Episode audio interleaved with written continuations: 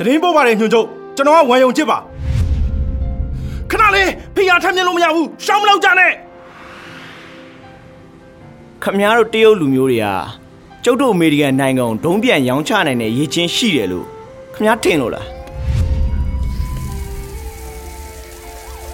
တဲချမ်းမင်းသွားလို့မဖြစ်ဘူး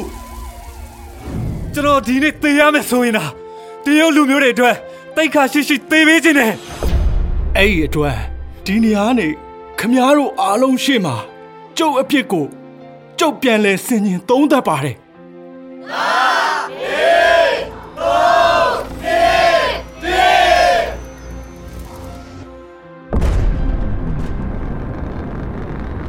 စံကြိုးစသုံးလူလိုက်ပါအာကသရဲ့အောင်မြင်စွာလွတ်တင်ပြီးကြောင်းကြေညာအပ်ပါတယ်ကျွန်တော်ဘဝမှာကိစ္စ၃ရက်ပဲလုပ်ခဲ့တယ် ဒုံးပြန်စမ်းသက်ဖော်ထုတ်တယ်ဂျိုရုကိုအာကာတာထဲလွတ်တင်တယ်တရုတ်လူမျိုးကို အာကာတာထဲရောက်အောင်ပို့ပေးခဲ့တယ်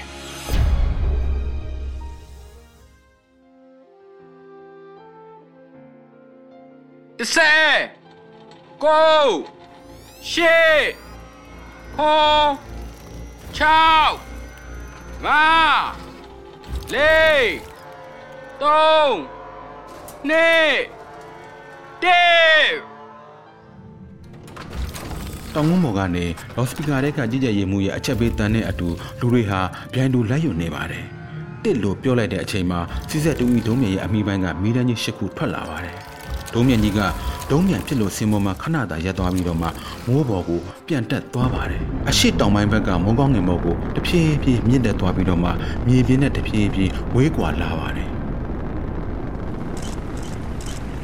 လောင်ကျိုးကကင်မရာကိုမြှောက်ကွင်လိုက်ပြီးမိုးပေါ်ပြန်တက်သွားတဲ့ဒုံးပြန်ကြီးကိုဓာတ်ပုံလိုက်ရိုက်နေပါတယ်။တရုတ်နိုင်ငံရဲ့ CZ2E ဒုံးပြန်နဲ့ Optis B1 ဂျိုတုကိုလွှတ်တင်နိုင်ခဲ့တဲ့တမိုင်းဝင်အချိန်ငါလေးဟာတပုံဖလင်းပေါ်မှာရိုက်နှိပ်သွားခဲ့ပါတယ်။ရှီချမ်းဂျိုတုလွှတ်တင်ရေးစင်တာတွေကကြည်ကြဲရေးခမ်းမအတွင်မှာတော့ဝမ်းသာပျော်ရွှင်တဲ့အတန်တွေပြည့်နှက်နေပါတယ်။ဝန်ယုံကျင့်တဲ့ဝန်သက်ချက်ဟာဝမ်းသာလွန်းလို့မျက်ရည်ကျနေကြပါတယ်။ မိနစ်30ကြာပြီးသွားတဲ့နောက်မှာတော့ဂျိုတို့ဟာဂျိုပတ်လမ်းကြောင်းထဲကိုရှော့ရှော့ရှူရှူဝင်သွားပါတော့တယ်။အင်ဂျင်နီယာတယောက်ကဂျိုပတ်လမ်းဒေတာအစီရင်ခံစာတစ်ရွက်ကိုကင်ပြီးဝမ်ယုံကျင့်ရဲ့ရှေ့ကိုရောက်လာခဲ့ပါတယ်။ဝမ်ယုံကျင့်ကအစီရင်ခံစာကိုယူလိုက်ပြီးတော့စာရွက်ထဲကအချက်လက်တွေကိုတိတ်ကြစစ်စစ်ကြည့်ပြီးမှဖောင်တင်ဘောပင်နဲ့အစီရင်ခံစာပေါ်မှာသူ့နာမည်ကိုလေးလေးနက်နက်လက်မှတ်ရေးထိုးခဲ့ပါတယ်။နိုင်ငံခြားကုမ္ပဏီကိုယ်စားလှယ်တွေကဒီအစီရင်ခံစာပေါ်ကအချက်လက်တွေကိုတိတ်ကြစစ်ဆေးပြီးတဲ့နောက်ဒီနေရာမှာတင်လက်မှတ်ရေးထိုးလိုက်ပါတယ်။ အဲ့ဒီအချိန်ကစပြီး CZ2E ဒုံးမြဟာတရုတ်နိုင်ငံသားတွေအတွက်လုပ်ငန်းသုံးကြိုတုလွှတ်တင်ရေးနိုင်ငံတကာဈေးကွက်တကားကိုအောင်မြင်စွာတွန်းဖွင့်နိုင်ခဲ့ပါတယ်။ဒါတွေကိုကိုယ်တိုင်ကြုံတွေ့ခဲ့တဲ့ဝမ်ယုံကျစ်နဲ့ဝန်သက်ချန်တို့လုံးဝထင်မထားမိတာက CZ2E ဒုံးမြဟာတရုတ်နိုင်ငံအာကာသလေကြောင်းအတွက်ပုံမသိလွင်ပြီးအရင်တုန်းကသူတို့စိတ်မကူရဲခဲ့တဲ့အံ့ဩစရာတွေယူဆောင်လာပေးခဲ့ပါတယ်။ CZ2E ဒုံးပြန်နဲ့ Optis ဂျိုတုကိုလွှတ်တင်အောင်မြင်ခဲ့တဲ့နှစ်မှာဝမ်ယုံကျစ်ဟာအသက်60ပြည့်ပါပြီ။ ပုံမှန်စီမီစီကအရာဆိုဝန်ယုံကျစ်ကပင်စင်ယူရမယ့်အသက်အရွယ်ရောက်နေပါပြီပထမဆုံး Optis ဂျိုတို့လွတ်တင်အောင်မြင်ခဲ့တဲ့ပျော်ရွှင်မှုတွေတဖြည်းဖြည်းမေးပြောင်လာတဲ့နောက်ဘေကျင်းကိုပြန်ရောက်လာတဲ့ဝန်ယုံကျစ်ဟာအငိမ့်စားယူပြီးတဲ့နောက်ပိုင်းဘဝဖြတ်တန်းဖို့အစီအစဉ်စဆွဲနေပါတယ်ဒီတနေ့ညနေဆောင်မှာဝန်ယုံကျစ်ဟာရှာရှာပါပါအချိန်မှန်အိမ်ပြန်ရောက်လာခဲ့ပါတယ်အဲ့ဒီအချိန်ကဘေကျင်းမြို့ရဲ့စောင်းဦးကာလာပါဘေကျင်းမှာရွှေကိုးငွေ30ဆိုတဲ့စကားတစ်ခုရှိပါတယ် ဆိုလိုချင်တာကတော့6လပိုင်းနဲ့10လပိုင်းဟာဘေကျင်းမြို့ရဲ့တစ်နှစ်ပတ်လုံးမှာအသာရာဆုံးရာသီဥတုကာလလို့သတ်မှတ်ကြလို့ပါပဲအော်တိုဘာ10လပိုင်းလဆန်းရဲ့ဘေကျင်းမြို့ကစောင်းရာသီဟာမိုးကောင်းကင်ကြည်နေပြီးတော့မှရာသီဥတုတာယာပါတယ်ဇနီးတန်နဲ့အတူပန်းချန်တွေကခုံနှန်းပေါ်မှာအတူတူထိုင်ရင်ဝယုံကြည့်ရဲ့စိတ်ထဲမှာဘယ်တော့မှမရှိခဲ့ဘူးတဲ့ပေါ့ပါလွတ်လပ်မှုကိုခံစားလိုက်ရပါတယ်อืม update ဂျိုရူလည်းလွတ်တင်ပြီးပြီဆိုတော့ငါလည်းယာတို့လွှဲပေးဖို့အချိန်တန်ပြီ မိမမင်းတေချာစဉ်းစားထားလိုက်ကွာငါတို့လည်းတခြားလူတွေလိုခရီးလေးပါလေးထွက်ကြတာပေါ့ဒီတစ်လျှောက်လုံးမင်းပေါ်မှာငါအကျွေးတင်တာတွေများခဲ့ပြီကျမရှင်းစီကဒီစကားကြားရတာနဲ့တင်ကျင်းနေလာပါပြီရှင်နောက်တစ်နေ့မှာဝမ်ယုံချစ်ဟာဒုံးပြန်တိတ်ပံကျောင်းရဲ့ရုံးခန်းထဲကိုရောက်လာပြီးရုံးခန်းတန့်ရှင်းရေးလုပ်ကလက်လွှဲပေးရမယ့်အလုပ်ကိစ္စတွေကိုပြင်ဆင်နေပါတယ်။ဒီအချိန်မှာအတူရေးမှုကရုတ်တရက်ဝင်လာပြီးတော့မှအခုလိုပဲပြောလိုက်ပါတယ်ဆရာဝန် ဝန်ကြီးဌာနကအရေးပေါ်အစည်းအဝေးတစ်ခုခေါ်လိုက်တယ်ဆရာကြီးကိုမဖြစ်မနေလာပေးပါတဲ့။အော်ဟုတ်လားဝန်ယုံချစ်ကလေကြောင်းနဲ့အာကာသယာဉ်ဝန်ကြီးဌာနကိုကားနဲ့ရောက်လာခဲ့ပါတယ်အစီအဝေးခမ်းမတဲ့ကိုဝင်ဝင်ချင်းမှာပဲဒီနေ့ရဲ့အခြေအနေကအတော်လေးအရေးကြီးနေမှခန်းစားမိလိုက်ပါတယ်ဝန်ယုံချစ်ဝင်လာတာမြင်တော့ဝန်ကြီးကအစီအဝေးဇပွဲဝိုင်းကမတ်တက်ထရက်ပြီးတော့ဇပွဲရှိကိုရှောက်လာကဝန်ယုံချစ်ကလက်ကိုလှမ်းဆွဲလိုက်ပါတယ်ပါမောက်ကကျုပ်ဝမ်ခမရရဲ့ခီးသွားမဲ့အစီအစဉ်ကိုပြန်ရွှေ့ရတော့မယ်ထင်တယ်။ တာဝန်အသိရှိလို့လားဟုတ်တယ်ဝန်ကြီးကဇပွဲဝိုင်းမှာဝင်ထိုင်ဖို့လက်ဟန်ပြလိုက်ပါတယ်ဝန်ယုံချစ်ကအစီအဝေးဇပွဲဝိုင်းရှိမှာဝင်ထိုင်လိုက်ပြီးနောက်ဝန်ကြီးကဖိုင်တွဲအိတ်ထဲကစာရွက်စာတမ်းတစ်ခုကိုထုတ်လိုက်ပြီးချောင်းတစ်ချက်ဟန့်လိုက်ပါတယ်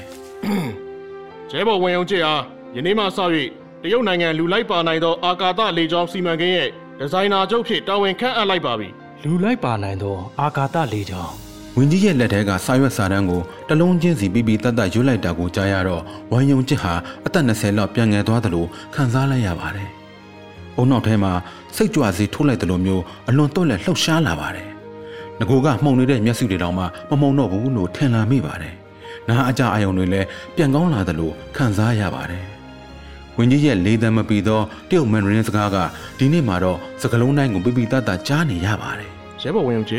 ည့်တဘောရအမြင်လေးပြောပါဦးဝင်းကြီးကလက်ထက်ကစာရွက်ကိုချလိုက်ပြီးတော့မင်းမြတ်နဲ့အကြည့်နဲ့သူ့ကိုလှမ်းကြည့်နေတာမြင်တော့ဝမ်ယုံကျက်ဟာစဉ်းအောင်မစင်စားဘဲနဲ့နှုတ်ကလှုပ်ခနဲ့ပြောလိုက်ပါတယ်။တာဝန်ပြီးမြောက်အောင်ထမ်းဆောင်ပါမယ်ကောင်းပြီ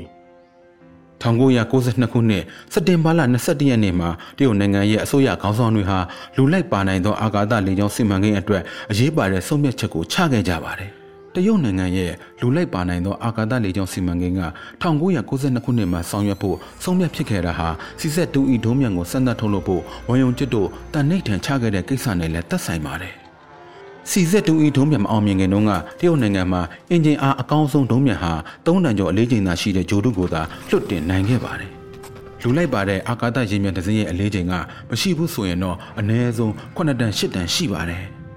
စီဆက်တူဤဒုံးမြန်မရှိသေးတဲ့ခေတ်မှာတုန်းကတရုတ်နိုင်ငံဟာအာကာသရေမြန်လွှတ်တင်မှုဆိုတာသဘောတရားအရမှလည်းမဖြစ်နိုင်တဲ့ကိစ္စတစ်ခုပါ။စီဆက်တူဤဒုံးမြဟာဂျိုတိုလွှတ်တင်မှုရဲ့အလေးချိန်ကို6.2တန်အထိမြင့်တင်နိုင်ခဲ့တာကြောင့်တရုတ်နိုင်ငံရဲ့လူလိုက်ပါသောအာကာသယာဉ်မြန်ကိုလွှတ်တင်ဖို့အခြေခံအကျဆုံးလိုအပ်ချက်တွေရှိလာစေခဲ့တာပါ တရုတ်နိုင်ငံရဲ့ပထမဆုံးလူလိုက်ပါသော Long March 2F လို့ခေါ်တဲ့ CZ2F ဒုံးမြန်ရင်ဟာ CZ2E ကိုအခြေခံပြီးပြုပြင်ပြောင်းလဲတယ်ဆိုတာကိုနောက်ပိုင်းမှာသက်သေပြနိုင်ခဲ့ပါတယ်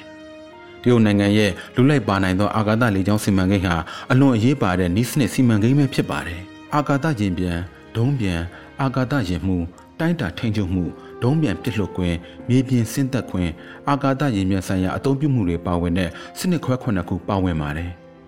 ဒီဇိုင်နာချုပ်တယောက်အနေနဲ့ဝမ်ယုံချစ်ဟာပပောင်းဆောင်ကစဉ်းစားရပြီးတော့အဖက်ဖက်ကိုအစီအစဉ်ရေးဆွဲရပါတယ်တခါတည်းမှာကိစ္စကြီးလုပ်ဖို့အတွက်အသေးအမွှကိုဆွတ်လို့ရပါတယ်တခါတလေကြတော့လေကိစ္စအကြီးအသေးမခွဲကြဘဲနဲ့စစ်စစ်ဆက်ဆက်လုပ်ရပါတယ်တရုတ်နိုင်ငံကဒီစီမံကိန်းကိုမလုပ်ခင်မှာဆိုဗီယက်နိုင်ငံနဲ့အမေရိကန်နိုင်ငံတို့ကလူလိုက်ပါနိုင်သောအာကာသပြန်တမ်းမှုကိုလှုပ်ဆောင်ခဲ့တာနှစ်ပေါင်း30ကျော်ရှိခဲ့တာကြောင့်အရေးအချင်းပြေးဝပြီးအတွေ့အကြုံကျွယ်ဝနေပြီးသားပါ တရုတ်နိုင်ငံကတော့စောနာကပြောတဲ့နီးစနစ်ခုနှစ်ခုလုံးနဲ့ပတ်သက်ပြီးဘာအတွေ့အကြုံမှမရှိဘူးလို့ပြောနိုင်ပါတယ်တရုတ်နိုင်ငံရဲ့အာကာသလေကြောင်းပညာရပ်ကိုဝမ်ယုံကျစ်ဟာအတော်နားလည်ထားသူလို့သူ့ကိုယ်သူခံယူထားပါတယ်။နောက်ပိုင်းမှာတွေ့ကြုံလာရမယ့်အခက်အခဲတွေကိုလည်းသူ့စိတ်ထဲမှာကြိုတင်ပြင်ဆင်မှုတွေအပြည့်အဝလုပ်ထားပြီးသားပါ။ဒါပေမဲ့နောက်ပိုင်းမှာလက်တွေ့စမ်းသပ်မှုလုပ်ပြီးတဲ့အခါသူ့အတွေ့ကအကောင်းမြင်လွန်းခဲ့တယ်ဆိုတာသက်သေပြနေပါတယ်။ လူလိုက်ပါနိုင်သောအာကာသပြန်တမ်းမှုနဲ့ဂျိုတိုလွတ်တင်မှုမှာကွဲပြားမှုအရှိဆုံးတစ်ချက်ကအသွားအပြန်ရှိတဲ့အချက်ပါပဲ။ဒီဇိုင်နာချုပ်ကအာကာသယာဉ်လွှတ်တင်ခွင့်အတွက်နေရာရွေးချယ်ဖို့စဉ်းစားရတဲ့အပြင်အာကာသယာဉ်မြေပြင်စစ်သက်ခွင့်ကိုလည်းနေရာရွေးချယ်ဖို့စဉ်းစားရတာကြောင့်ဝမ်ယုံကျစ်မှာအတော်လေးအခက်တွေ့သွားပါတယ်။တရုတ်နိုင်ငံကရုရှားနိုင်ငံနဲ့ကနေဒါနိုင်ငံပြီးရင်ကမ္ဘာပေါ်မှာနိုင်ငံနယ်နိမိတ်ဧရိယာအများဆုံးဖြစ်တဲ့တတိယအကြီးဆုံးနိုင်ငံတစ်ခုပါ။ သဘောတရားအရဆိုရင်တော့ဒီလိုနယ်မြေကျယ်ဝန်းတဲ့နိုင်ငံတစ်ခုမှာအာကာသယာဉ်မြေဆင်းသက်ဖို့နေရာရွေးချယ်တာဟာမခက်ခဲတဲ့ကိစ္စပါပဲ။ဒါပေမဲ့တကယ်လို့အာကာသရေပတ်လန်းရဲ့ငိုက်ထောင်မြေမျက်နှာပြင်ညီညာမှုလူဦးရေတိတ်တဲမှုယထာတန်လန်းကားလန့်မှလေးစိတ်နေရာတွေရဲ့ဆက်ဆက်မှုတွေအပြင်ရာသီဥတုအခြေအနေပြောင်းလဲမှုများကိုလည်းထည့်သွင်းစဉ်းစားပြီးတော့တရုတ်နိုင်ငံရဲ့နယ်နိမိတ်ထဲမှာမြေပြင်ဆင်းသက်ခွင့်လုပ်ဖို့တင့်တော်တဲ့နေရာရွေးချယ်ဖို့ဆိုတာအလွန်ခက်ခဲသွားပါပြီ။ အဲ့ဒီအတွက်ဝမ်ယုံကျစ်ဟာပရဝီဝင်ပညာရှင်တယောက်နည်းနည်းဖြစ်လာခဲ့ပါတယ်။ဆဆချင်းမှာတော့ဝမ်ယုံကျစ်ဟာဝင်းရင်စစ်တမ်းကောက်တဲ့နီးလန်းကိုအသုံးပြုခဲ့ပါတယ်။ခကနဦးစုံစမ်းစစ်ဆေးရေးအဖွဲ့တင်ပြထားတဲ့ရွေးချယ်ရန်နေရာများကိုလေရင်နဲ့တွားပြီးဝဟင်ဘောကလှည့်ပတ်ကြည့်ရှုမှုကိုရဟတ်ရင်နဲ့18ကြိမ်တွားလာခဲ့ရပါတယ်။နောက်ဆုံးမှာတော့တရုတ်နိုင်ငံအလဲပိုင်းဒေသကဟော်နန်ပြည်နယ်ကျူမာတရက်မြို့အနီးကမြို့ဝါမြစ်မြစ်ရည်ကြီးစုံထဲမှာရွေးချယ်ခဲ့ပါတယ်။ ဝင်းရင်ဘောကကြည့်လိုက်ရင်တော့ကျူမာတရက်မြို့ကမြေပြင်ညညာပြန့်ပြူပြီးတော့ဘေးပတ်ဝန်းကျင်မှာတောင်မြင့်မရှိတာကြောင့်အာကာသရင်ပြင်မြေပြင်ဆင်းသက်ခွင့်လို့ဖို့အလွန်တင့်တော်ပါတယ်။ဒါပေမဲ့ဝယုံကြည့်ရဲ့စိတ်ထဲမှာတိတ်စိတ်မချသေးပါဘူး။မြေပြင်အထိဆင်းမကြည့်ပဲနဲ့ရဟရင်စီးပြီးတော့ဝင်ကနေပဲလက်ကြည့်ထားတာဆိုတော့အဆင်ပြေမပြေဆိုတာမသိရပါဘူး။ တေချာပြန်စဉ်းစားကြည့်လိုက်တော့ဝန်ယုံကျစ်ကမြေပြင်စစ်တပ်ကွင်းစနစ်ဆောင်ရွက်နေကြတဲ့အဓိကအရာရှိဝန်ထမ်းတွေကိုစုဝေးလိုက်ပြီးဘေကျင်းကနေကားစီးပြီးတော့မှဟော်နန်ပြည်နယ်ကျူမာတရက်မြို့ကိုကုန်းလန်းကနေနောက်ဆုံးအကြိမ်တွားရောက်စစ်ဆေးလိုက်ပါတယ်။ဒီလိုစစ်ဆေးလိုက်တော့မှဝန်ယုံကျစ်မှာဇောချွေးပြန်စရာတွေမြင်တွေ့လာရပါတော့တယ်။ကျူမာတရက်မြို့ကတမိုင်းတစ်ချောင်းမှာမြစ်ဝမြင့်မြင့်ကြီးစုံဖြစ်ခဲ့ပေမဲ့အခုတလောမှာစီးပွားရေးလူမှုရေးအလှည့်မြဖွံ့ဖြိုးတိုးတက်လာပြီးတော့လူကြီးတိုးပွားနှုန်းတွေလှည့်မြန်လာခဲ့ပါတယ်။ ဒီနေရာကပြည်သူတွေဟာစိုက်ပျိုးရေးကိုနှစ်ပေါင်းများစွာပြင်ပမှန်မှန်စူးစမ်းခဲ့ကြပြီးတော့အတိတ်မှာမြစ်ဝမြင့်မြင့်ရည်ကြီးဆုံးဖြစ်ခဲ့တဲ့ဒီနေရာကိုမြေစီလာကောင်းတဲ့လေကင်းရာကင်းဖြစ်အောင်ပြုပြင်ပြောင်းလဲထားပါတယ်။ဝယုံချစ်ဟာရဟတ်ရင်နဲ့ဝင်းကလိုက်လံစစ်ဆေးကြည့်ရှုတုန်းကရေသိမ်းကာလာနဲ့ကြုံကြိုက်နေတာကြောင့်လေထဲကကောက်ပဲတင်းနှံတွေကိုလယ်သမားတွေကရေသိမ်းထားတဲ့အတွက်မြေအလွတ်ကြီးသာကျန်နေတာကြောင့်လူနီးခေါင်ပြင်နေရလို့အထင်လွဲသွားခဲ့တာပါ။ အခုပြန်လာကြည့်လိုက်တော့ဒီနေရာမှာဂျုံစဘာတွေလှိုင်လှိုင်တီးနေပြီးပြည်သူတွေလည်းအေးအေးချမ်းချမ်းနဲ့ပျော်ပျော်ရွှင်ရွှင်နေထိုင်နေကြတာကိုမြင်တွေ့လိုက်ရပါတယ်ဒီမှာခဏရဲအောင်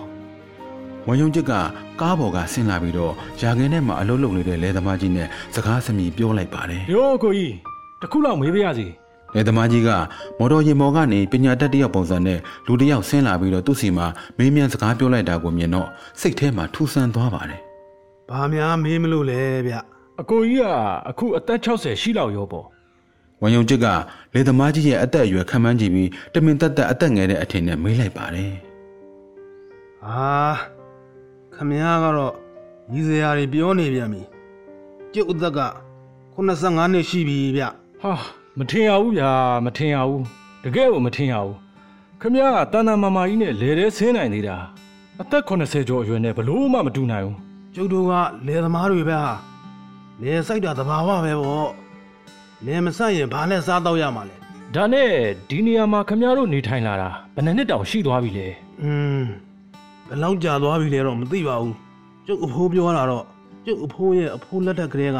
ဒီကိုပြောင်းလာပြီးအခြေချနေထိုင်ခဲ့တာတဲ့ပြန်တွက်ကြည့်ရင်နှစ်200 300လောက်ရှိရောပေါ့အဲဒါပေမဲ့ဒီနေရာမြေစုံကြီးလေဗျာမြစ်ဝါမြစ်ရဲ့ရေချောင်းပြောင်းလာရင်ဒီနေရာကိုပြက်လာရတာဗျာ အဲ့ဒါတောင်ခမည်းတော်ဒီနေရာမှာနေကြတုံးလားမြင့်ဝါမြင့်ရေကြီးရင်